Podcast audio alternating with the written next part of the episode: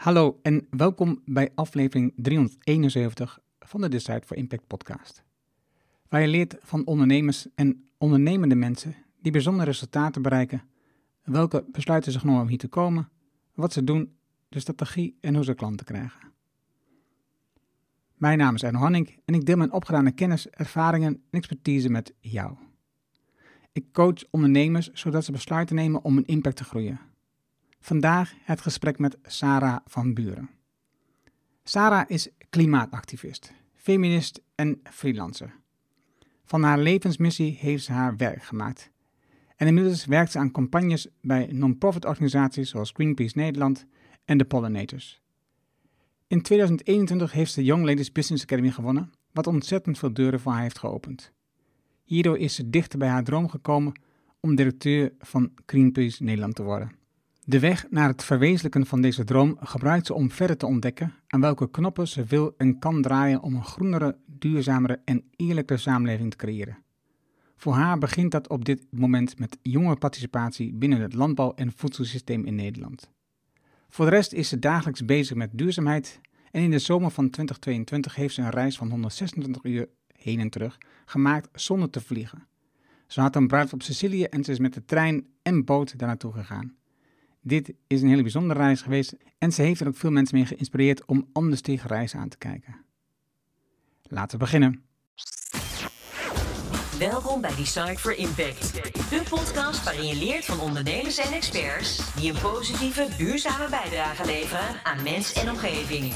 Met persoonlijke verhalen die je helpen om impactbesluiten te nemen voor jullie bedrijf. Dan nu, jouw business coach, Engel Halling.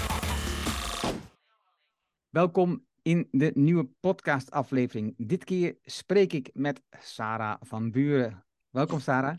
Hi, leuk om hier te zijn. En jij bent ook een van de Young Ladies Business Academy deelnemers. Je hebt hem in 2020 um, gevolgd, als ik het goed onthouden. Ja, in 2020 inderdaad. Ja. En daarbovenop heb je ook gewonnen. Ja, klopt, inderdaad. Ik heb de editie van 2020, zijn twee edities geweest. Uh, en daarvan heb ik inderdaad uh, gewonnen. Nou, hoe, hoe win je een editie dan? nou ja, dat vind ik zelf dus, ik vind zelf, nog, zelf echt nog steeds onwerkelijk. Maar eigenlijk als je meedoet aan de Young Lady Business Academy, het is een week lang, krijg je allemaal masterklassen. En van uh, maandag tot vrijdag. En in die week is het ook echt de bedoeling dat je uit je, met je uit je comfortzone wordt getrokken. Um, en een van die dingen is om eigenlijk je verhaal te gaan vertellen. Want er komen heel veel jonge vrouwen, die hebben een idee, een droom, een ambitie. Um, maar vinden het soms ook lastig om dit te communiceren, te articuleren of eigenlijk hiervoor uit te komen. Dus in die week word je eigenlijk uh, naar voren gevraagd. En dat kan elk moment van de week zijn om een pitch te geven. Een pitch voor te bereiden over jouw, jouw visie uh, of droom. En uh, vanuit die twee edities gaan er dan 50 young ladies door naar de finale. En dan moet je nog een keer pitch, uh, pitchen. En dat is echt voor een, uh, voor een jury. En vanuit daar wordt er eigenlijk een, een winnares gekozen. Hè? En ja, dat was ik. Wat was je pitch? Oeh, nou, ik kan hem niet herhalen. Nee, maar... je hoeft niet te herhalen. Maar wat was, wat, was de, wat was de kerngedachte? Nou, ik ben me aangemeld als klimaatactiviste voor deze academy. En dat vond ik best wel spannend. Maar mijn pitch was eigenlijk dat ik directeur wil worden van Greenpeace Nederland.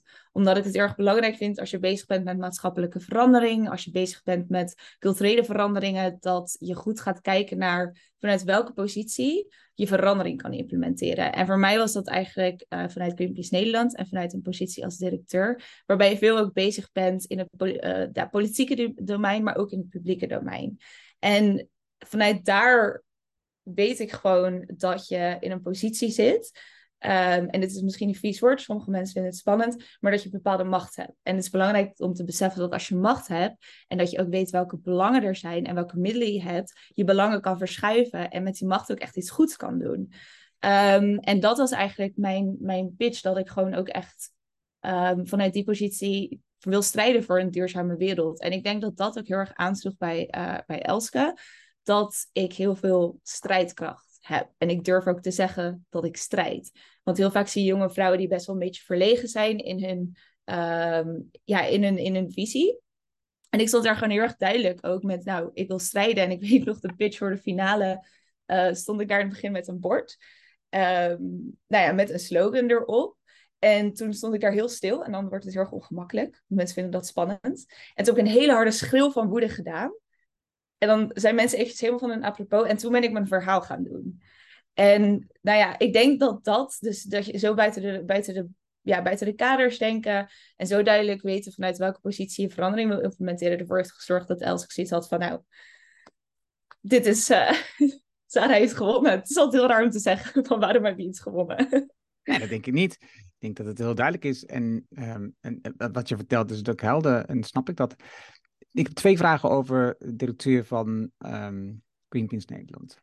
Ik stel eerst de eerste vraag. Uh, denk je dat het helpt voor Greenpeace Nederland als een vrouw directeur wordt? Nou, de vorige directeur was ook een vrouw, Anna Schoenmakers. Uh, ik heb ook heel veel met haar samengewerkt. En ja, dat vind ik wel. Ik denk dat het helpt als je een vrouw aan het, uh, aan het hoofd hebt. Omdat ik heel erg... Ik heb dus met haar eigenlijk meegekeken. Achter de schermen. Ik heb met haar samengewerkt heel veel. Ik heb stage gelopen bij Greenpeace Nederland. En wat ik zag bij haar was een hele duidelijke leider. Maar ook een hele empathische leider. Ze is uh, heel erg betrokken bij de organisatie. Um, is geeft heel erg veel om de mensen om, om haar heen. Dus dat stukje emotionele connectie gaat ze aan met eigenlijk iedereen. Uh, en tegelijkertijd is ze heel erg duidelijk in wat er gedaan moet worden. En dat is iets wat ik soms best wel mis bij mannelijke leiders, die soms heel erg ontoegankelijk ook bijna zijn, waarbij je niet kwetsbaar durft te zijn. En als je in een wereld zit van activisme, is dat stukje kwetsbaarheid, dat stukje toegankelijkheid, uh, kunnen praten over soms mentale problemen, ontzettend belangrijk. En daarin ook je grenzen kunnen aangeven. En wat ik tot nu toe heb ervaren, is dat dat bij haar, uh, dat dat heel erg goed kon. Dus in, dat, in die zin, op persoonlijk vlak misschien ook wel, zou ik zeggen dat het goed is om een vrouw aan het stuur te hebben. En daarnaast ben ik natuurlijk feminist. Dus ik geloof sowieso dat het goed is om meer vrouwen uh, op dit soort posities uh, te krijgen en neer te zetten. Ik doe eerst een andere vraag, want nu komt het feminist en komt er weer een nieuwe vraag. en, dat, en zo gaat het bij mij altijd. Maar waarom Greenpeace Nederland? Waarom niet een ander goed doel? Ik denk dat dit te maken heeft met nostalgie. Greenpeace is voor, misschien niet meer voor de generatie onder mij, maar wel nog voor mijn generatie, hoop ik, een soort keukentafelbegrip. Mijn ouders steunen Greenpeace al zo lang als ik me kan herinneren. En dan kwam dat blaadje elke keer weer binnen thuis en het lag dan weer op de deurmat. En dan ging ik het doorbladeren. En je zag die beelden ook van natuurlijk de walvisvaarders. Ik denk het DNA van Greenpeace zit echt in het verhaal. Dus echt in het feit, nou, ze zijn eerst eigenlijk naar voor nucleaire, uh, ze wilden eerst de nucleaire testen voorkomen natuurlijk uiteindelijk zijn ze veel meer naar de walvisvaarders gegaan. En dat stukje DNA, dat stukje moed en dat stukje soort buiten de maatschappij treden om echt ergens tegen, ja, je tegen uit te spreken, dat heeft mij heel erg geïnspireerd. En het was eigenlijk helemaal niet mijn plan toen ik jong was. Ik wist niet zo goed wat ik wilde doen. Ik heb Engelse taal en cultuur gestudeerd als een bachelor. En ik had heel veel passie voor, voor taal en voor literatuur en cultuur. Dus ik dit was niet, zat niet eigenlijk in het plan. Tot ik eigenlijk ja, gewoon steeds meer met duurzaamheid bezig was. En vanuit daar echt letterlijk een keertje ben opgestaan en dacht: oké, wat kan ik echt doen om de wereld te veranderen? Ik ben leven geïnspireerd geweest door Greenpeace. Ik voel een connectie. Weet je wat? Ik ga dit gewoon doen. En sommige mensen hebben een heel emotioneel verhaal, maar bij mij is het gewoon echt: ik stond op en ik dacht: weet je wat? Ik was 21, ik weet het nog steeds. Ik ben naar mijn vader gelopen, s ochtends ook. Ik zei: Pap, ik ga directeur van Greenpeace Nederland worden. Dat doen niet veel mensen, dat zo zeggen op die manier, dat je dat als, dat, dat als ambitie hebt. Ik ga directeur worden van Greenpeace Nederland. Nee. Klopt. Het is toch super tof dat je dat gewoon, dat, dat beeld, het geeft volgens mij heel veel duidelijkheid en scherpte. Ja, en ik denk ook dat het voor jezelf echt een visie creëert. Het is, het is een langetermijnplan, want op een gegeven moment, um, ja, ik kan het wel gelijk ook vertellen, want ik heb de Academy gewonnen. En toen had ik al een mail klaarstaan. We hadden de uitreiking en ik had een mail klaarstaan. Ik dacht, zodra die uitreiking voorbij is, druk ik op enter en gaat deze mail naar Anna Schoenmakers van uh, Greenpeace om te vragen of ik daar stage mag lopen. Nou ja, toen ineens had ik gewonnen. Nou, dan sta staat alles echt ineens helemaal op stelte. En toen werd ik gebeld door Anna Schoenmakers zelf. Of ik langs wilde komen. Want ja, gefeliciteerd. Ik had de Academy gewonnen. Ze heeft toen helemaal een filmpje opgenomen en op social media ook geplaatst. Dus dat was echt ontzettend leuk zodoende ben ik ook echt bij Greenpeace terechtgekomen. Ik heb daar stage gelopen, ik heb mijn scriptie daar geschreven. Uh, ik heb inmiddels ook opdrachten voor, uh, voor hun gedaan. En ja, dat is toch ook wel erg bijzonder als op zo'n jonge leeftijd um, eigenlijk al bij zo'n droomorganisatie terechtkomt. En het ene, ja, wat ervoor gezorgd dat dat is gebeurd, is gewoon letterlijk door te zeggen: Ik wil directeur van Greenpeace Nederland. Want dat is zo erg opgevallen. Als ik daar ook binnenkom, zegt iedereen: Oh ja, Saar, uh, hoe gaat het met je directeurschap? Dus het is, het is ook een soort binnenkomer, iets ridieks, iets grappigs, uh, maar ook iets waardoor je serieus wordt genomen. Want mensen zijn er wel heel erg benieuwd naar van hoe komt dat dat jij je zo openlijk hierover uit durft, durft te laten. Dus je hebt ook erg een soort bruggetje, een soort aanhakingspunt. Je zei het is een lange termijn iets. Hè? Aan wat voor termijn denk je? Mm, Ongeveer. Nou, ik zou wel echt zeggen dat het wel ergens pas over, ik ben nu 25, bijna 26, dat uh, eh, 15 jaar. En ik geloof heel erg ook van, ik geloof heel erg in dat jongeren ook op invloedrijke posities terecht moeten komen. Maar wat er is gebeurd toen dat balletjes komen te rollen, dat je gaat, je gaat werken bij zo'n organisatie, uh, je leert heel erg veel. Maar ik besefte me ook heel erg goed dat als ik me nu volledig vastbijt um, in Greenpeace, dat ik daar niet meer uitkom voor de komende 15, 20, 25 jaar. En ik vind mezelf veel waardevoller voor zo'n beweging als ik um, de weg daar naartoe gebruik om heel veel ervaring op te doen bij andere organisaties. Echt te onderzoeken wat mijn krachten zijn. Ben ik een campaigner? Ben ik een uh, fondsenwerver? Ben ik een community organizer of mobilizer? En veel meer ook je netwerk uit te bouwen. Ik geloof erin dat je niet in je eigen bubbel vast moet blijven te zitten. Maar dat ook juist deze keuzes door buiten dit pad te stappen. Maar uiteindelijk daar weer dichter naartoe zullen, ja, zullen brengen naar mijn, eind, uh, mijn einddoel. Waar ging je scriptie over? Over de invloed uh, van soja in uh, een bepaalde regio in Brazilië. Dat, uh, ja, het is net naast het Amazonegebied heb je de Cerrado. En het Amazone kennen we natuurlijk allemaal als de longen van de aarde. Maar de Cerrado wat ernaast ligt, zien we eigenlijk vaak dat daar niet dezelfde wetgeving voor geldt. Omdat de Amazone tot een bepaalde hoogte beschermd is. Maar daar zijn wel hele waardevolle ecosystemen die eigenlijk volledig ook verwoest worden. Dus ik heb gekeken naar uh, ons Nederlandse dieet en hoeveel verborgen soja, hidden soy noemen we dat, er in bepaalde Nederlandse diëten zitten en wat de invloed daarvan is uh, in deze bepaalde regio. Dus dan kan je echt zeggen, volgens mij was het, ja, het was 46,2 kilo verborgen soja krijgt de gemiddelde, krijgt iemand binnen die gemiddeld Nederlands dieet eet. En dat is dan wel vijf tot zes keer per week vlees per jaar. Ja, en dat staat dus ook gelijk aan, nou ja, toch wel uh, richting een hectare uh, ontbossing en heel veel uitstoot uh, op een jaarlijkse basis. En het is heel erg interessant dat heel veel bedrijven natuurlijk zeggen van ja, maar wij hebben ontbossingsvrije producten. Maar er is zoveel data en zoveel onderzoek wat eigenlijk uitwijst dat dat gewoon niet zo is. Je hebt trace data, dus traceerbare data wat gewoon letterlijk vanuit een bepaalde provincie of een bepaalde regio laat zien hoeveel ontbossing er is geweest aan de hand van sojaplantages en soja-export. Dus dat was super interessant, want Greenpeace is heel veel bezig met het Amazonegebied en werkt ook veel samen met uh, Greenpeace Brazilië. Uh, maar nu hebben we het echt naar de Nederlandse bodem ook, uh, ook teruggebracht. Ik hoor hier veel over. Er zijn twee gebieden in de wereld die wij als Nederland uitbuiten. Eh, nog veel meer gebieden, maar op dit gebied, voeding, uh, is het aan de ene kant uh, de palmolie in zeg maar, Indonesië bijvoorbeeld. Hè? Ja. En aan de andere kant is het soja. en dat wordt dan veel in diervoeders gebruikt, met name bij koeien. En dat is dan in, in, Brazilië, in die gebieden. Dus dat zijn gebieden die we niet in de gaten hebben, terwijl we een normaal dieet eten dat wij eigenlijk de wereld misbruiken en opmaken voor de toekomstige generatie in, in een veel te hoog tempo. Dus ik had dat gezien, wat je deed, ik had je scriptie uiteraard ook gezien. En ik interesseer me enorm in het onderwerp, omdat ik denk dat daar heel veel ruimte ligt voor bewustwording. En dus nadenken over hoe je eigenlijk met eenvoudige middelen mensen bewuster kunt maken van hun eetpatroon. Um, en dan wil ik twee voorbeelden noemen. Mm -hmm. uh, het ene is Monsieur Vegan die op Instagram en Twitter bijvoorbeeld zit. En ik volg maar Twitter. Ja. Hij valt openlijk slagers en zeg maar diervoederpraktijken aan. Hè? Dus de, de slachterijen, de boeren. Um, omdat zij, uh, hij brengt ze naar de dode slacht, uh, naar de dode fabrieken. Niet slachterij noemt hij dat ook niet, hè? de dode fabrieken. Ja, en, en dat doet hij heel, heel intens en heel vervelend voor die boeren zelf, omdat je, hè, die zit in, dit is een proces waar je je, je, je leven en je inkomen mee binnenhaalt. maar omdat, je zo, omdat ik als ik zo iemand volg, toch is het telkens weer een bewustwording. Van, ja, hij heeft ergens een punt, hij heeft een punt, hij heeft een punt.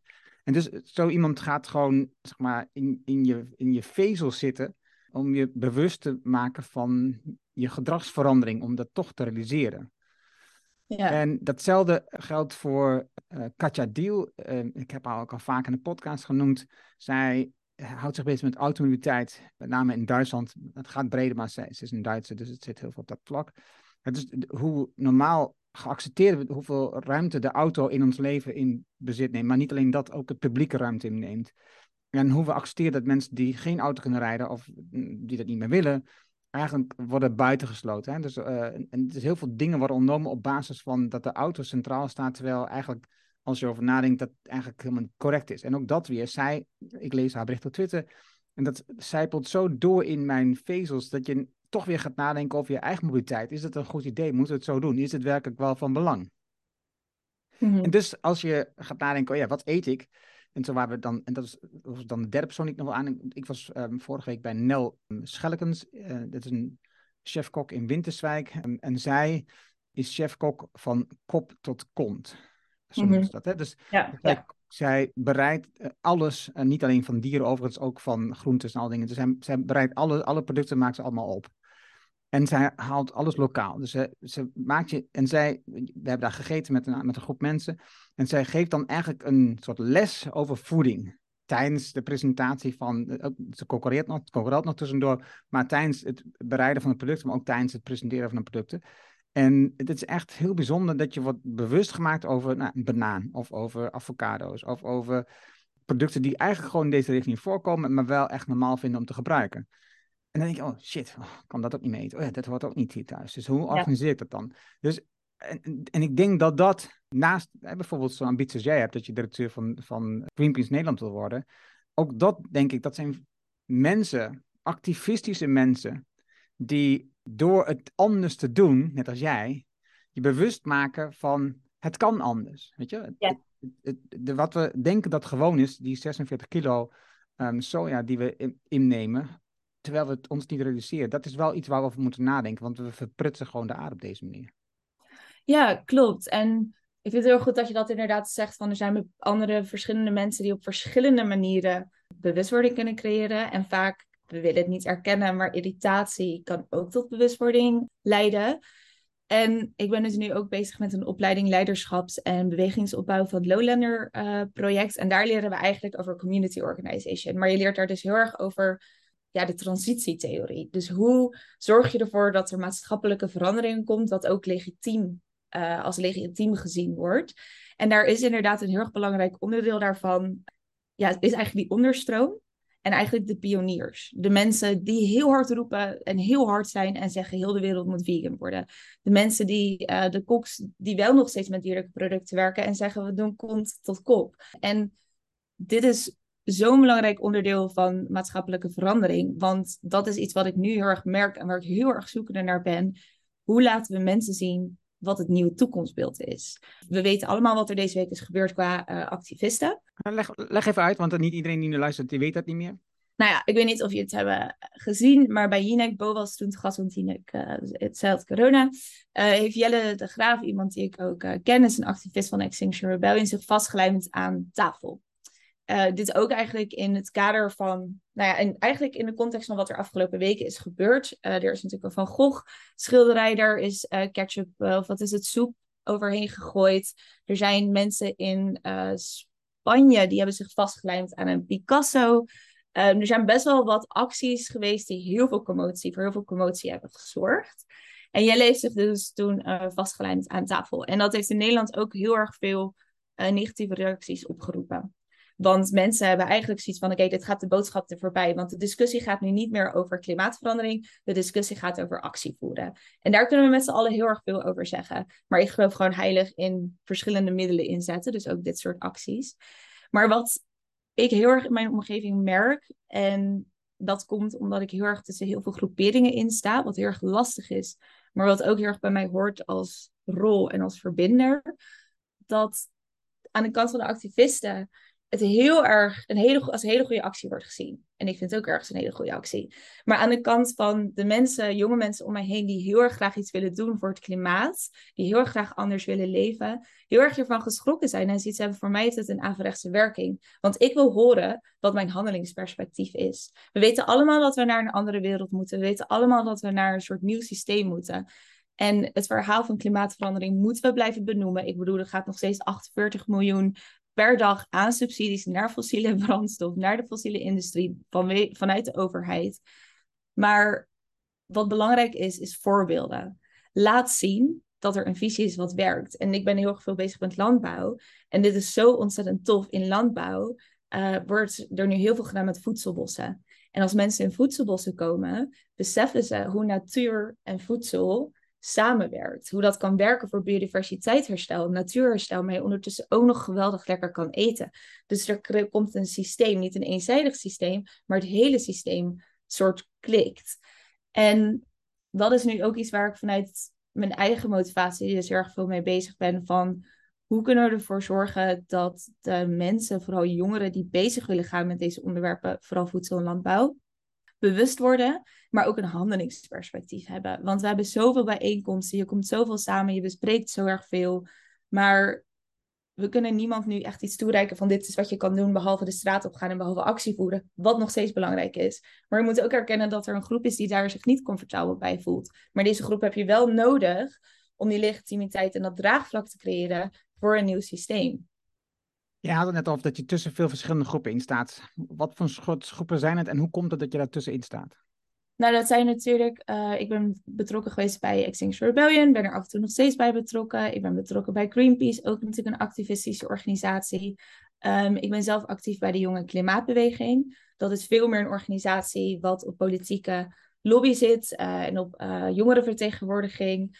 Um, ik heb heel veel connecties, werk heel veel samen met EER. Ehm, daarnaast heb je eigenlijk ook nog je vriendengroep. Ik kom uit een christelijke bubbel waarin klimaatverandering, natuur best wel soms een heel lastig onderwerp was, wat volledig genegeerd werd. Ehm, en ik heb heel erg lang het gevoel gehad dat ik moest kiezen. Dat ik, moest activist zijn, of ik moest politiek actief zijn. Of ik moest bij het bedrijfsleven, ik moest een soort corporate, uh, corporate carrière kiezen, zodat ik vanuit daar uh, verandering kon implementeren. Of ik moest alleen maar voor grassroots of non-profit organisaties gaan werken. En ik denk dat afgelopen jaar het besef ook heel erg is ingedaald dat je verschillende rollen hebt in uh, een transitie, in een, in een bewegingsopbouw. En een van die rollen is verbinder. En het feit dat ik nog steeds um, me heel erg kan vinden binnen Extinction Rebellion, met die groep kan associëren, uh, vrienden heb daar, soms meedoen aan acties, die connectie nog steeds heb. Maar tegelijkertijd ook met heel veel andere jongeren praat die veel meer bij de politiek bezig zijn, die zelfs ook bij de VVD zitten. Dat dat erg belangrijk is om een brug te blijven slaan. Omdat we zien hoe erg de samenleving gepolariseerd is en ook wordt. En ook door activistische acties. Terwijl ik dan denk, ik ga gelijk weer het gesprek aan. Ik wijs het niet af, acties hebben we nodig. Maar ik ga ook het gesprek aan voor mensen die zeggen, ik wil wel wat doen, maar ik kan hier niet mee overweg. Ik weet niet wat het met me doet. En dat is erg belangrijk, omdat we die achterban niet moeten vergeten. Want zij zijn ons draagvlak voor een nieuw systeem. Had nee, vorige week gesprek met Misha Verheijden van um, Restory en uh, restory.be. En daarvoor las ik het boek Jan Rotmans, Omarmde Chaos. En daar staan, wat jij zegt, die vijf rollen die we hebben in die transitietrajecten, die staan daarin genoemd. En een van die rollen, wat je precies beschrijft, is die verbinder. Die ervoor zorgt dat ja, dat mensen aan elkaar gekoppeld worden. En ik zie, ik, ik zat over die rol na te ik zie mijzelf ook als een verbinder in die rollen. Ik denk ook dat ik die rol heb om niet per se zelf actie te voeren, maar wel bij betrokken te zijn. Dus ik heb me bij Extinction Rebellion. Het is niet dat ik mhm. morgen op straat ga zitten en me vast ga lijmen aan een schilderij of iets dergelijks. Maar het is wel dat ik wil horen en voelen wat daar gaande is. En dus dat ik ook begrip kan opbrengen um, voor die acties. Dat ik snap waarom mensen actie voeren. En ook de weerstand voel van die mensen hebben tegen die acties. Hè? Dus ik probeer voor mezelf te ervaren en te ontdekken van oké, wat is eigenlijk nu, wat kunnen we hier nu mee? Wat, wat doet dit eigenlijk met ons? Wat doet het met mij? Maar, en, en is het werkelijk een negatief effect als we dit doen? Is het belangrijk dat we onderzocht hebben of of positief... Nee, dat denk ik niet eens. Ik denk dat het vooral van belang is dat je gaat, met elkaar gaat praten over het feit... wat zit er achter die actie? Wat is het waarom mensen zich gedwongen voelen om dit soort acties op te zetten. En dat, dat, dat gesprek, de dialoog, dat is waar je in mijn optiek van leert. Dat is denk ik exact de reden waarom we dit gesprek hebben met jou, Sarah, op dit moment. Ja, klopt. En het lastige is heel vaak met dit soort acties dat mensen ook zeggen van oké, we moeten praten. Ga aan tafel zitten, uh, want er is natuurlijk een podium dan geboden aan een activist bij, bij Jinek. Ga aan tafel zitten en gebruik dat als het moment om je, om, om, om je verhaal te doen. En het lastige is dat dat belangrijk is, maar dat er tegelijkertijd ook al jaren, decennia lang actie wordt gevoerd. En we zien dat het gewoon geen, ja, dat praten gewoon geen impact heeft. Ik bedoel, hoe vaak hebben we aan de deur gestaan bij Shell, een BP, ExxonMobil? Uh, hoeveel gesprekken zijn er wel niet geweest? Uh, we hebben ons middels als, als groene partijen zitten ook aan tafel bij de politieke lobby. Dat is nog steeds verwaarloosbaar bijna vergeleken met hoe vaak uh, Shell lobbyisten aan tafel zitten natuurlijk. Maar we zitten aan tafel. En ik denk dat heel veel mensen dat vergeten, dat achter de schermen de mensen dag en nacht in gesprek zijn, nog steeds met al deze organisaties. Maar dat zien we niet. En die acties zijn dus inderdaad ook meer nodig om, om de aandacht erop te vestigen. Maar het is ook iets omdat ik ben actie gaan voeren omdat ik niet meer wist wat ik moest doen. Ik voelde me echt noodgedwongen om, om op straat te gaan zitten met deze mensen. Toen en uh, toen een van de eerste acties um, werd georganiseerd vanuit Extinction Rebellion, omdat ik me zo ontzettend verloren voelde en niet gehoord ook door de politiek. Um, dat, we ons, ja, dat heel veel mensen daar zaten omdat ze dachten dit is de enige manier. En dat is natuurlijk het interessante. Wat jij ook zegt, um, we moeten, is er onderzocht hoe, wat, wat het effect is. Revoluties gebeuren niet zomaar. Als we kijken naar uh, Rosa Parks, uh, Rosa Parks is de, de vrouw die in, um, in Amerika in de bus is blijven zitten, of, of eigenlijk geweigerd heeft uh, op te staan, zeg maar. Dan zien we dat zij een revolutie ontketend heeft. Wat vandaag de dag nog zo gigantisch veel impact heeft gehad op het Amerika zoals we het vandaag kennen. Daarvoor uh, dit is in 1955 gebeurd. In 1943 is Rosa Parks ook al een keertje blijven zitten in de bus. Maar toen heeft het niet aangeslagen. Er zijn verschillende mensen die dit hebben gedaan. En het is heel goed om te beseffen dat overal strategie achter zit. Organizing, maatschappelijke verandering. Daar wordt zo ontzettend veel en lang over nagedacht. En dat wordt echt gewacht tot er een soort een punt is waarvan we weten van oké, deze persoon kan een soort, het wordt een boegbeeld. Greta Thunberg is een boegbeeld van een, van een generatie geworden. En daarvoor zijn dit soort acties heel erg belangrijk. Want als je kijkt naar acties, gaat het gewoon echt om kijken naar wat heb ik als burger, consument, als activist, als misschien werk je bij een bank, uh, misschien werk je uh, bij een kinderopvang. Of je kan alles doen, maar welke middelen heb ik om belangen te veranderen? En een van die middelen als burger zijn is burgerlijke ongehoorzaamheid. Is dat stukje frictie opzoeken? Is daar op straat staan en, en mensen, met mensen ook het gesprek aangaan? Maar is het het feit dat je de krantenkoppen haalt, waardoor mensen ook weer zoiets hebben van, oh ja, dit is er ook nog. Want we zitten heel erg voor mijn gevoel in een tijd, we zijn gegaan van jarenlang bewustzijn creëren naar Um, er was heel veel klimaatontkenning. We zagen de ernst van het probleem totaal niet in. Het woord urgentie is niet genoemd, eh, jarenlang. Naar eigenlijk wat er gebeurd is na het vorige IPCC-rapport. Dus het, het, uh, het eigenlijk klimaatwetenschappelijk rapport van het International Panel on Climate Change. Naar soort volledig onttrekken van verantwoordelijkheid. We ontkenden het die fase daartussen, waarbij je eigenlijk je verantwoordelijkheid kan nemen en zeggen: Weet je, we gaan er wat aan doen. Naar we zitten in een existentiële crisis. De wereld gaat helemaal, excuus me voor dit wat ik nu ga zeggen, maar de wereld gaat helemaal naar de kloten. Waardoor iedereen zijn kop in het zand gaat steken. En dan blijven dit soort acties dus nog steeds nodig. Omdat ik zoveel mensen ook om me heen heb die zeggen van... Ik, ik weet het niet meer, dit probleem is zo groot. Ik zie geen handelingsperspectief. De overheid doet heel erg weinig voor me. Weet je, dat klimaatactivisten, ik vind het allemaal maar gekke werk. Ik leef gewoon mijn leven. En die doen dan helemaal niks. En dat is ook zonde. Het is ingewikkeld gesprek met jou. Ja. ik zal wel minder theoretisch. Uh... Nee, nee, nee, nee, nee, nee, nee. Ga vooral door. Eh, jij, jij geeft mij zoveel aanknopingspunten voor nieuwe vragen dat ik dan niet meer weet wat ik vragen moet stellen. Hoe sta je tegenover de verschillende manieren waarop de maatschappij omgaat nu met actievoerende boeren. Die voeren ook actie. Ja. En activisten voor het milieu, klimaat. Ik ben blij dat je dat vraagt. Kijk, het is ontzettend krom. natuurlijk. De afgelopen maanden is het geweld uh, jegens activisten sterk toegenomen. Er zijn best wel na de incidenten gebeurd. In, in Canada is het op een gegeven moment dat ehm, er een barricade, een blokkade was op de weg. En er zat iemand ook in een hoge toren. En die is toen omgeduwd en ook in het ziekenhuis uh, beland. En wat je ziet is dat ook vanuit de politie, ook vanuit de overheid, vanuit gemeentelijke politiek, er niet goed gereageerd wordt op uh, activistische acties vanuit klimaatbewegingen. Daar wordt zo snel mogelijk. Wat is, wat is niet goed? Oké, activisme, protesteren, het is een recht. We mogen dit doen. De manier waarop het doet is inderdaad een soort burgerlijke ongehoorzaamheid. Dus het is meer dan wat je de straat op gaat, een vergunning aanvraagt voor een demonstratie. Je veroorzaakt een bepaalde soort ja, onrust. Alles ligt eventjes stil. En wat je ziet is dat er heel snel ingegrepen wordt door de uh, eh, ME. Het is best wel heftig, dit soort acties.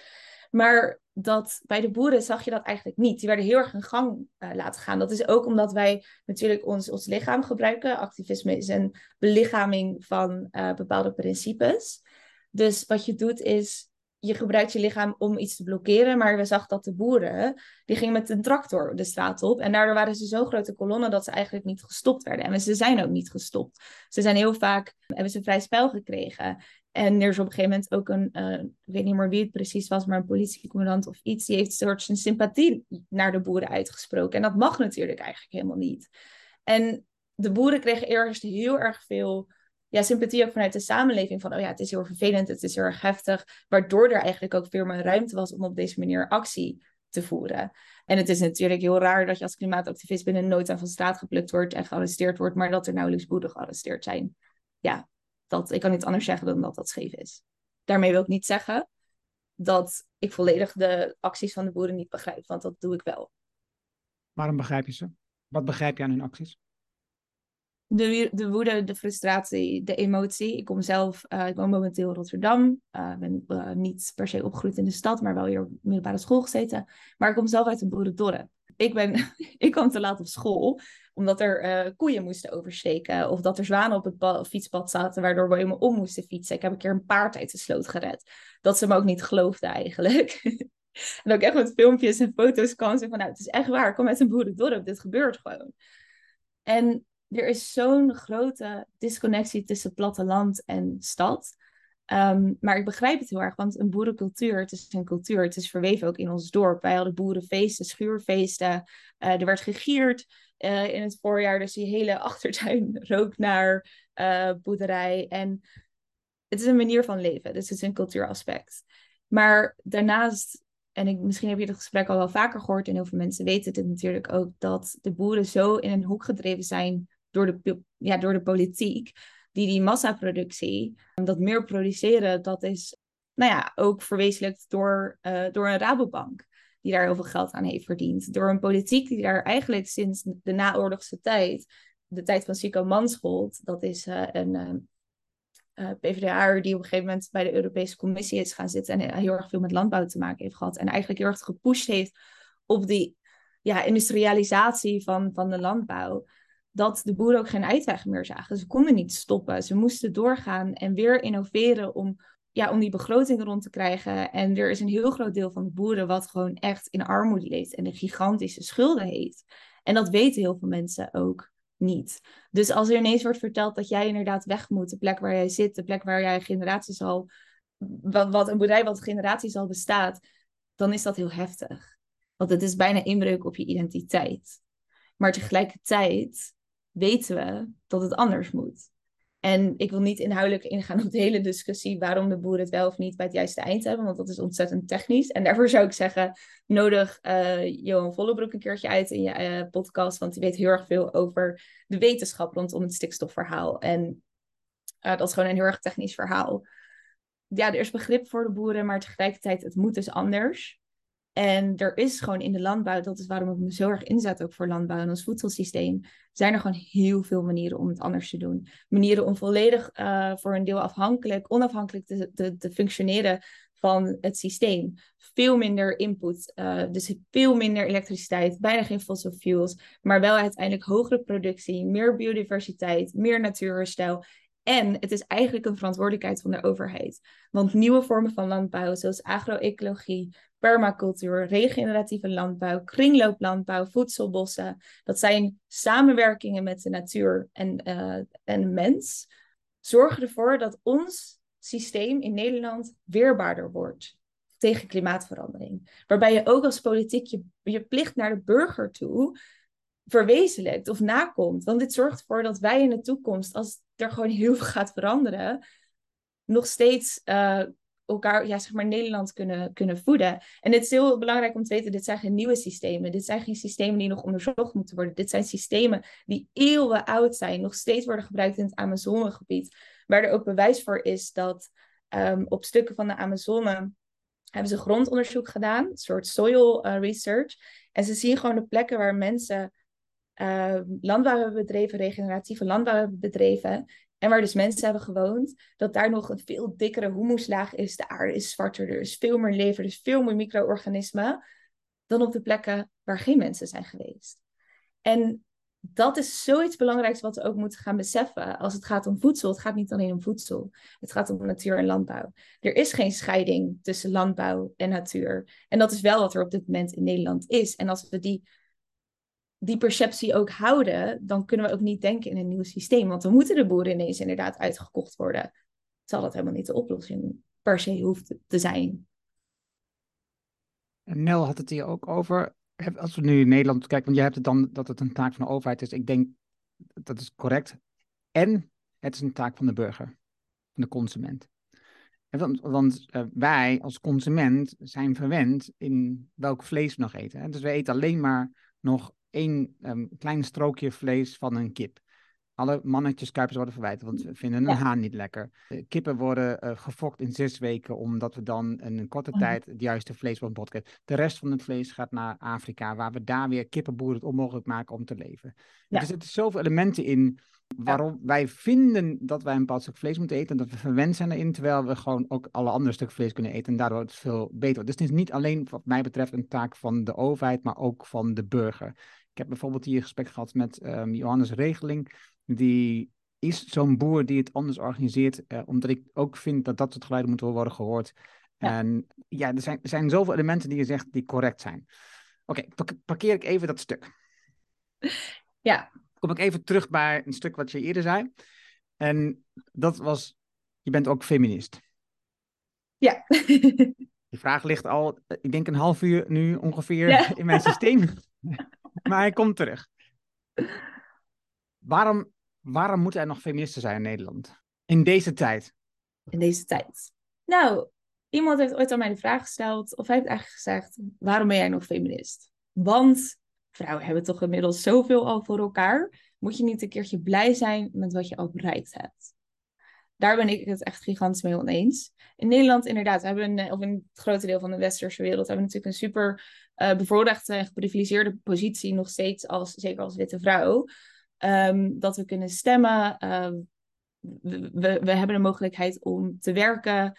Maar ja, eigenlijk wat Laura Bas ook zei. Uh, worden we zwanger, dan is er... Uh, we hebben wel verlof, maar we hebben geen jaarverlof. Onze partner heeft veel minder verlof. Er is geen gratis kinderopvang. Dus vrouwen hebben nog steeds niet dezelfde kansen als een man op de, om op dezelfde positie terecht te komen. En daarnaast gaat het niet alleen maar over werken voor mij. Het gaat eigenlijk over de hele seksuele revolutie ook. Het feit dat ik hier s'avonds, deze zomer, het was ontzettend warm... En dan betekent dat je anders gekleed over straat gaat dan in de winter. En het feit dat ik. Dat is een understatement. Ja. moest even al deze denken, hoe ga ik dit soort van. Uh, hoe ga ik het neerzetten?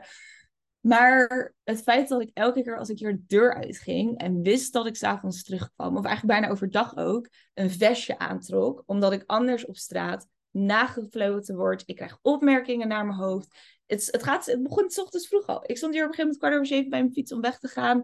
En op dat moment uh, reed er een busje met, uh, bestelbusje met mannen langs schilders. En die riepen al gelijk uit het raam van... Uh, oh ja, het ziet er goed uit, meisje. En allemaal vieze geluidjes maken. Het gaat ook om het feit dat als vrouw zijnde... en ook heel veel queer mensen eigenlijk. Voor mij is feminisme is niet, het is, gelijke rechten, maar het is gelijke rechten niet man en vrouw. Maar ook voor mensen die zich als non-binair identificeren en eigenlijk alles wat er gewoon is. Om je veilig te voelen.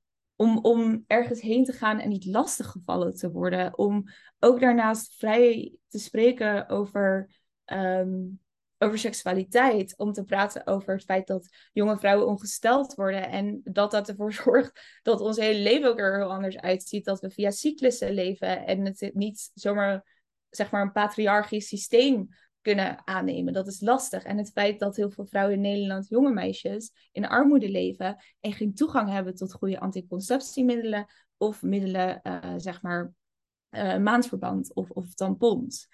Dus ja, Nederland heeft nog steeds feministen nodig. En zeker nu ook in het kader van, nou ja, abortus is ook een campagne die natuurlijk nu loopt, dat abortus uit het strafboek gehaald moet worden. Want in Nederland staat dat ook nog steeds in het strafboek. Wat betekent dat het eigenlijk nog steeds strafbaar is en illegaal.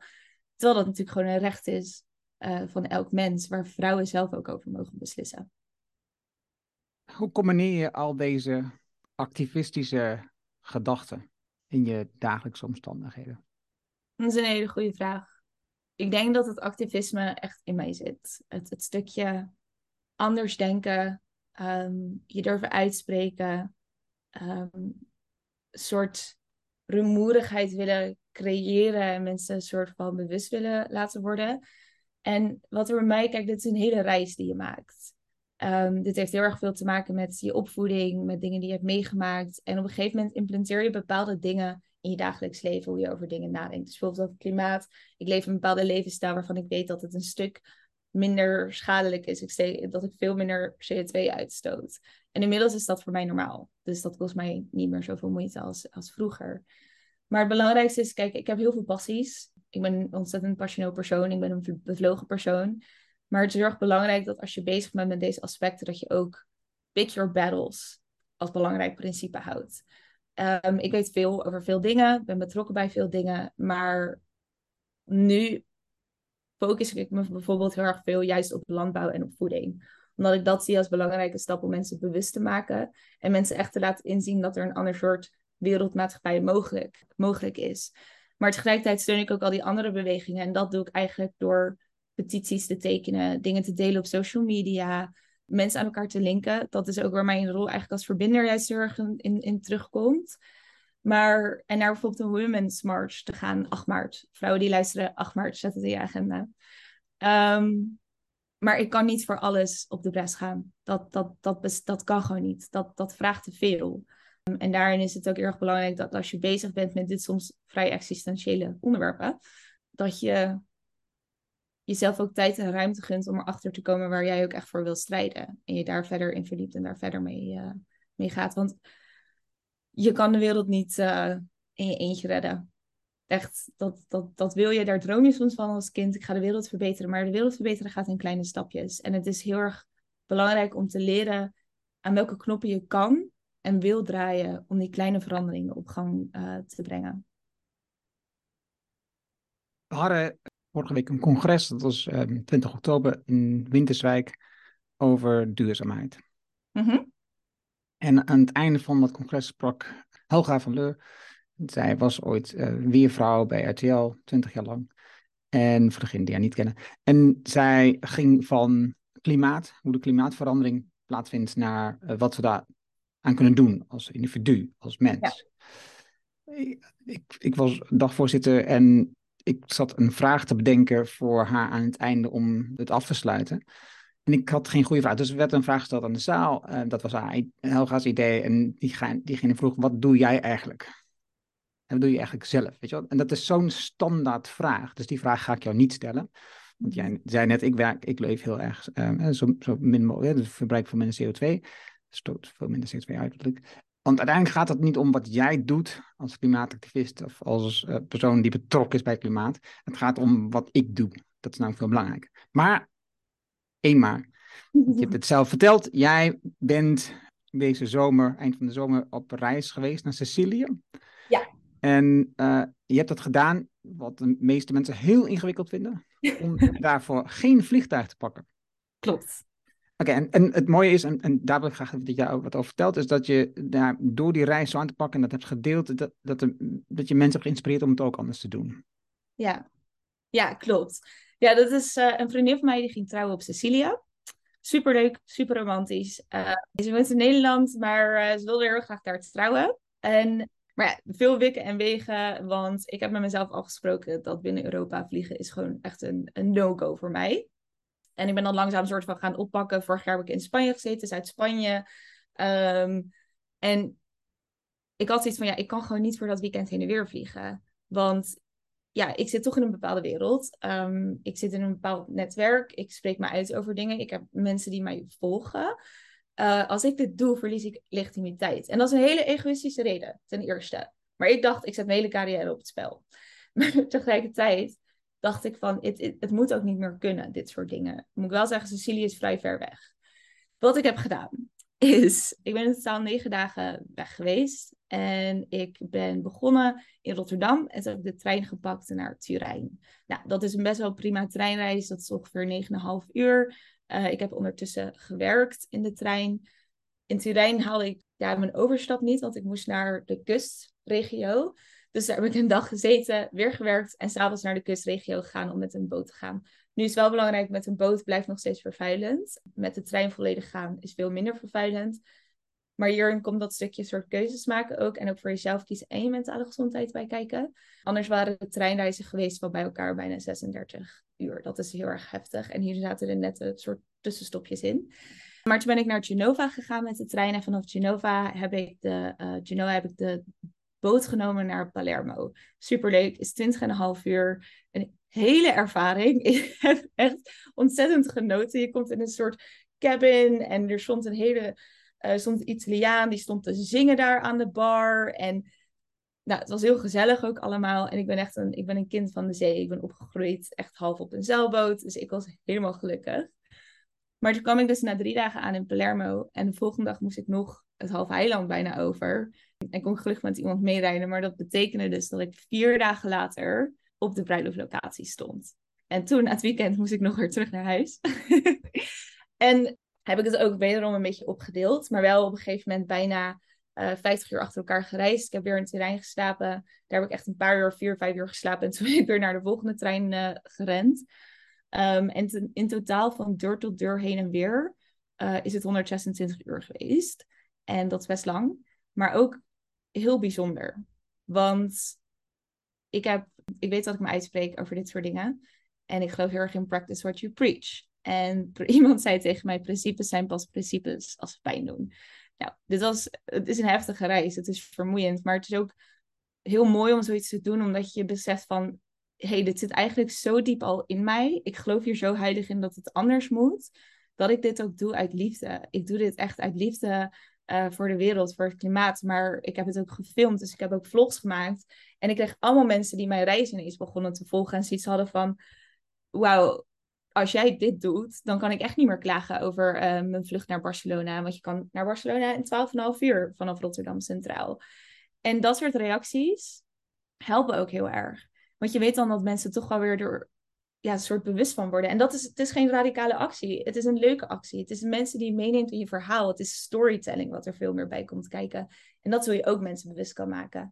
En ik geloof heel erg in, ja, je hebt de cirkel van controle, invloed en concern. Cirkel van controle, dat zijn eigenlijk jouw directe acties waarmee je impact kan maken. Dus um, geen plastic tandenborstel, maar zo te zeggen. Geen vlees eten, minder uh, autorijden. Maar dus ook niet meer vliegen uh, binnen Europa. En ook als je dat groter trekt naar een cirkel van invloed, je, je plaatst het in een context, je werkt samen met bijvoorbeeld bedrijven, je deelt het in je netwerk en het komt op verschillende plekken terecht.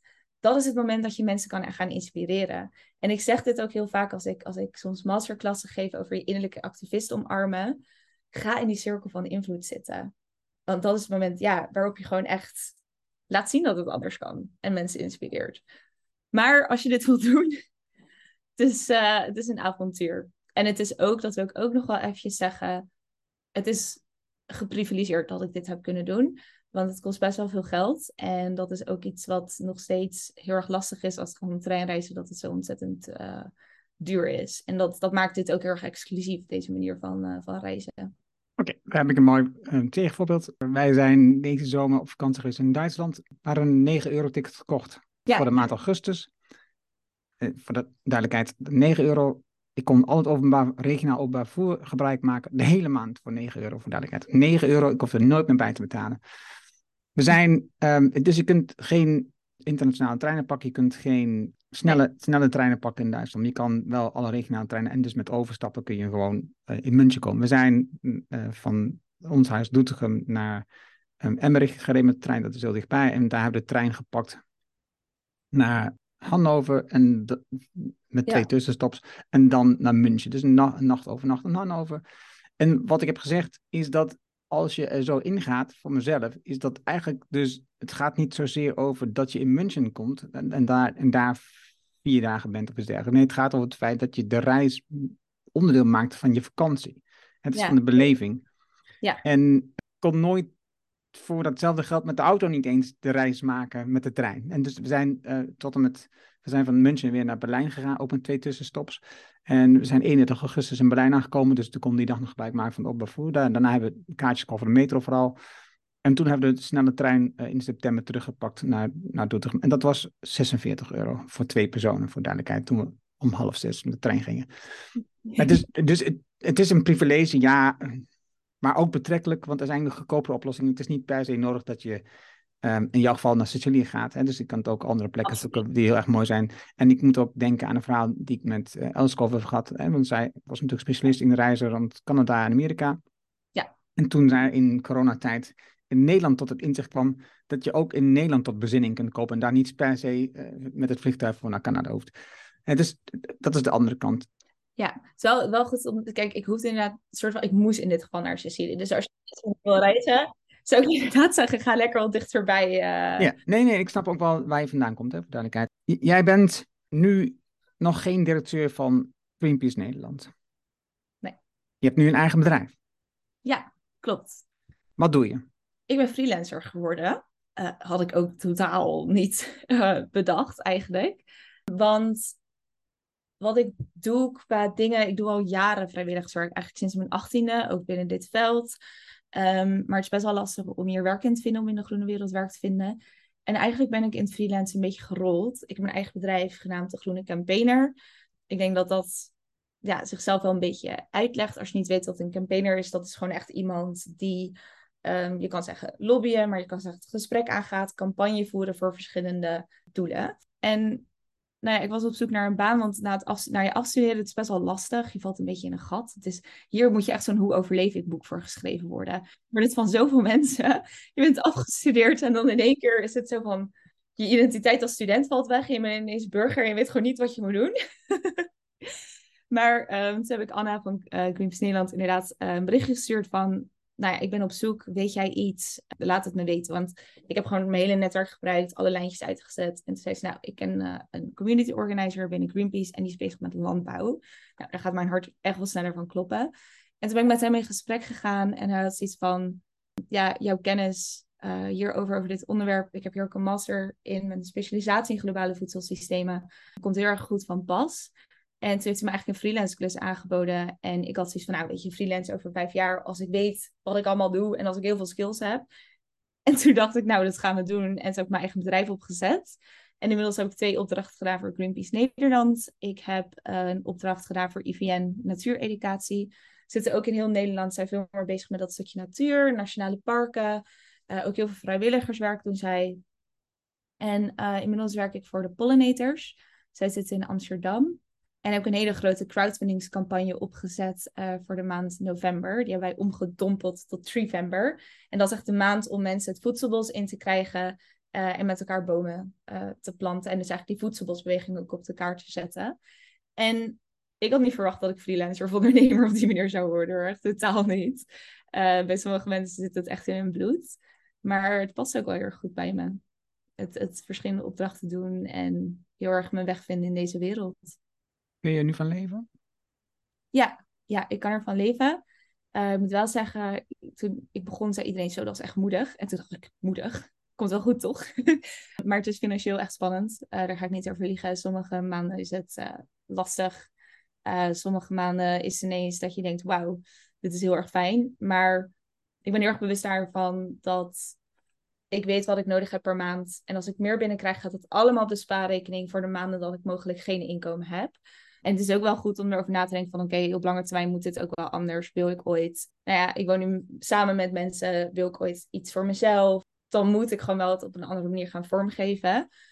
Maar opdrachten komen steeds vaker binnen, rollen voor ook hosten van avonden, uh, lezingen geven, masterclass geven. Dus ik heb er alle vertrouwen in dat dat uh, goed komt. En het feit dat ik van mijn, echt mijn levenspassie mijn werk heb kunnen maken, dat is um, um, iets waar ik heel erg dankbaar voor ben. Ik kan hier ook nog heel lang over doorgaan. maar ik wil even nog um, naar, want je had het net over jouw, jouw, jouw onderzoek, jouw scriptieonderzoek. Um, en, en over voedsel, wat, wat heb je precies onderzocht? Wat, wat was je conclusie ook? Nou ja, de conclusie is natuurlijk eigenlijk gewoon dat we zien um, dat heel veel bedrijven zeggen dat er geen ontbossings meer, ontbossing meer gebeurt voor hun producten. Conclusie is dat dat dus helemaal niet waar is. En vooral in Nederland, zeg maar. En dat we veel meer verborgen soja in binnenkrijgen dan dat we eigenlijk denken. Maar wat ik ook heb gedaan, is soort scenario's geschetst voor de toekomst. Van oké, welke diëten moeten we dan eigenlijk ja, aannemen, om maar zo te zeggen, om ervoor te zorgen dat onze geëxporteerde footprint, ontbossingsfootprint zoals we dat dan noemen, minder wordt. En de, de overduidelijke conclusie is natuurlijk dat we naar een vegetarisch dieet zouden moeten gaan. Of naar een dieet waarbij we gewoon veel minder vlees consumeren uh, per week. En dat gaat dan echt maximaal om twee keer. En dat is, wordt nu ook onderbouwd door, dat als ik net door het uh, IPCC-rapport, dat als we echt nog onder die forse uh, drie, twee graden ja, opwarming willen blijven, moeten we echt naar maximaal twee stuks, twee stuks vlees per week. 70 gram geloof ik of zo, toch per week? Of was het ja, ja, minder? Zoiets. Zoiets ja. is in ieder geval. Ja, dat is, dat is niet eenvoudig voor veel mensen. Ik merk dat op mijn eigen omgeving. Ik probeer, ik noem het niet dat ik vegan ben, maar ik probeer zowel plantaardig te eten. Mm -hmm. Het is wel natuurlijk het vegan gedachtegoed, maar, ik, maar dat, ik ben meer um, flexie, flexie-vegan, zou ik dan naast zeggen. Ja. Het, ik eet geen eieren, ik eet geen zuivel, um, maar ik kijk niet op elk product of het erin zit. Ik ben wel bewust geworden over palm. Hè, dus we hebben nu een, een boter waar uh, geen palm in zit, bijvoorbeeld. Maar ik kijk überhaupt op veel producten over palm in zitten. Dus uh, pindakaas, maar dan kreeg ik de laatste, oh ja, pinda's komen ook niet uit Nederland. Daar moet je over nadenken. En zo gaat het dus de hele tijd door. Hè? Dus dat, dat de ja. discussies. Het, het, is ook prima, weet je. Het is ook goed om, wat je al zegt, um, principes heb je pas als ze echt pijn doen. Uh, anders dan is het gewoon een schijn, want dan had, je, dan had je het gewoon kunnen doen. Dus niet echt een principe. Ja, en, als het lekker was, hadden we het allemaal al gedaan. en ik denk dat het klopt dat het heel belangrijk is, maar ja, voor veel mensen heel ingewikkeld omdat ze vinden dat ze ergens recht op hebben. Dat ze recht hebben op een stuk vlees elke dag. Wat helemaal niet de geschiedenis is. Wat helemaal niet, wat helemaal niet zo is. We hadden in het verleden ook maar heel weinig vlees. Maar we vinden dat we dat verworven hebben, die luxe. Dus dat moeten we nu ook gebruiken omdat we zoveel verdienen. Ik denk omdat we als mens in het rijke Westen gemiddeld gewoon maar veel te veel verdienen. Mm -hmm. uh, ik, ik, wil niet zeggen dat mensen niet genoeg werken, maar ik denk dat we veel te veel verdienen. Als ik kijk in mijn omgeving, en ik woon in een luxe omgeving, um, waar mensen hun geld aan spenderen, dan denk ik, ja, dat, is, dat slaat gewoon nergens op. Dat is gewoon, dat is omdat je niet weet waar je met je geld heen moet. Dat probleem zie ik gewoon bij mensen ontstaan. Naast alle armoede die er is. Hè. Dus, dus ik denk, we hebben voldoende, we moeten het gewoon anders verdelen. Niet dat het makkelijk is, uh, dat snap ik ook wel. Het is, het is echt niet eenvoudig om uh, wat je gewend bent om de afscheid van te nemen. Als jij als freelancer kijkt, wat, wat zou er nog klussen zijn, opdrachten, projecten die je heel graag willen doen? Nou, er is nu eentje waar ik voor in gesprek ben. Uh, in uh, Rotterdam wordt uh, 13 december een avond over burgerberaden georganiseerd. En ze zoeken nog een host voor die avond. En een van de gasten is Eva Rovers. Nou, ik denk dat Eva Rovers heeft het boek Nu staan ons geschreven van een correspondent. En hij ligt hier naast me. Oproep tot echte, echte democratie. Dat gaat over burgerberaden wil je het niet lezen, zou ik echt de podcast ook van de correspondent luisteren, want het is heel helder en duidelijk. Um, dat is een opdracht die ik heel graag zou willen, want ik vind het ontzettend gaaf om op een podium te staan. En dat is niet om, om, om de aandacht op mij te vestigen, maar dat is echt om het gesprek aan te gaan met mensen en, en mensen proberen te prikkelen, te motiveren, te inspireren. En natuurlijk omdat ik dan samen met Eva Rovers daar sta. En in de toekomst opdrachten, ik ben mijn eigen opdracht eigenlijk aan het creëren. In een van de eerste regels of gouden regels die een, uh, een andere freelancer mij vertelde was, creëer je eigen werk. En dat heeft mij heel erg geholpen. Want dat betekent dat ik soort mijn stoute schoenen aantrek en ergens voor organisaties mail van, nou, volgens mij hebben jullie dit nodig. Ik kan jullie dat op deze manier bieden. Ik heb natuurlijk de Young Lady Business Academy gewonnen van Elske Doets. En uh, de prijs was een stage in Amerika of in Canada. Na lang wikken en wegen heb ik besloten om die stage niet te doen. Dit heeft ermee te maken dat ik afgestudeerd ben en het feit dat een, er was een coronaperiode, dus het maakt het heel erg lastig, dat een stage mij op dat moment niet meer echt zou bieden wat ik echt nodig had. Of, of om ja, de groeimogelijkheden zou bieden. Dus ik heb het geld van die stage uh, mag ik gebruiken om in Nederland een jongeren top, noemen we tot nu toe, uh, te organiseren. Eigenlijk een jongerenconferentie over landbouw, voedsel en natuur. Um, hier ben ik afgelopen maanden heel veel mee bezig geweest, vooral achter de schermen. Kijken naar de beweging. Uh, hoe kunnen we dit strategisch in elkaar steken? Wat is uiteindelijk het uh, wat zijn onze middelen? Welke belangen willen we veranderen? Uh, wat is een eindproduct? Want dit gaat echt over jongeren. Ga je een jongerenmanifest schrijven of gaan we echt iets opzetten waarin we kunnen laten zien dat het anders kan? Maar dit gaat dus ook erg over bewustwording en uh, creëren. Omdat wat jij zegt, ja, voedsel is een heel belangrijk onderwerp. Maar voedsel moet gekoppeld worden aan natuur en landbouw. Dat is eigenlijk een opdracht die ik soort nu zelf aan het creëren ben. Dus ik heb wel financiële middelen en dat is ontzettend fijn. Maar ik ben dus ook met partijen en organisaties in gesprek om zoiets samen te organiseren. Uh, zodat ik er wel ook van uh, zelf van kan leven. Want dit soort dingen organiseren naast werk is, is best wel iets heel erg, uh, iets heel erg groots. Fantastisch. Moest ik even zeggen. Afrondende vraag. Ja, kom maar op. Je bent, bent nog 25. Jonge vrouw. Je hebt de Young Ladies Business Academy gevolgd. Daar heb je geleerd om zelf te staan, om te staan voor je punten. Dat had je natuurlijk al in je, maar het is daar nog meer naar buiten gebracht. En masterclasses gaat op dat vlak.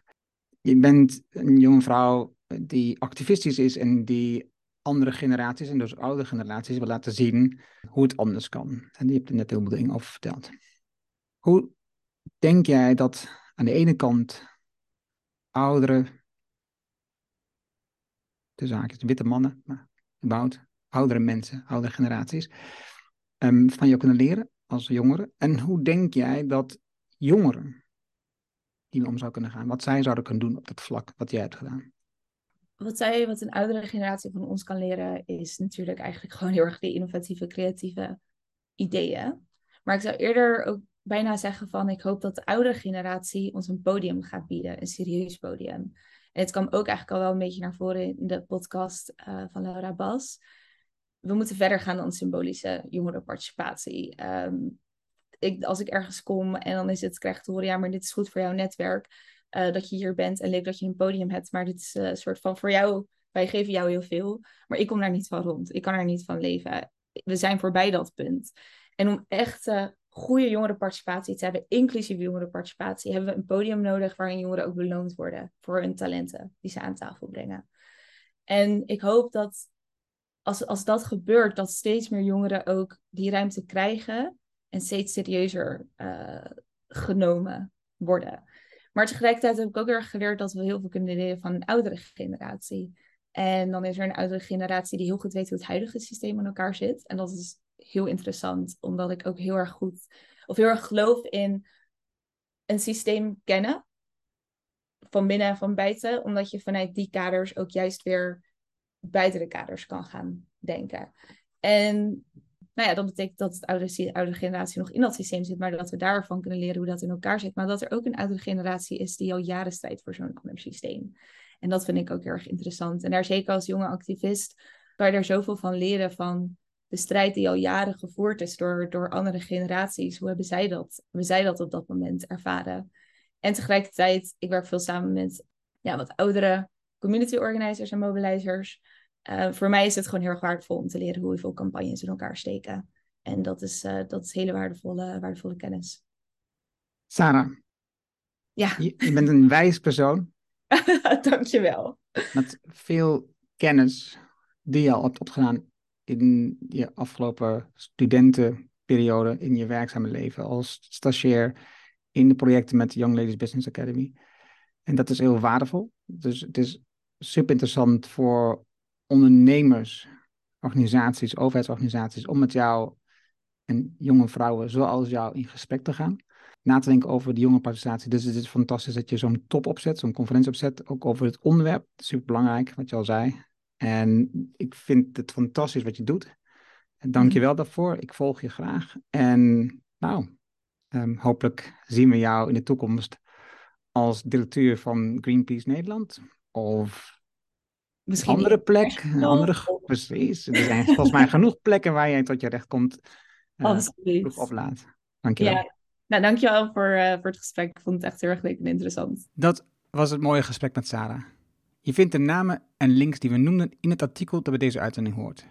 Ga daarvoor naar decideforimpact.com slash show 371.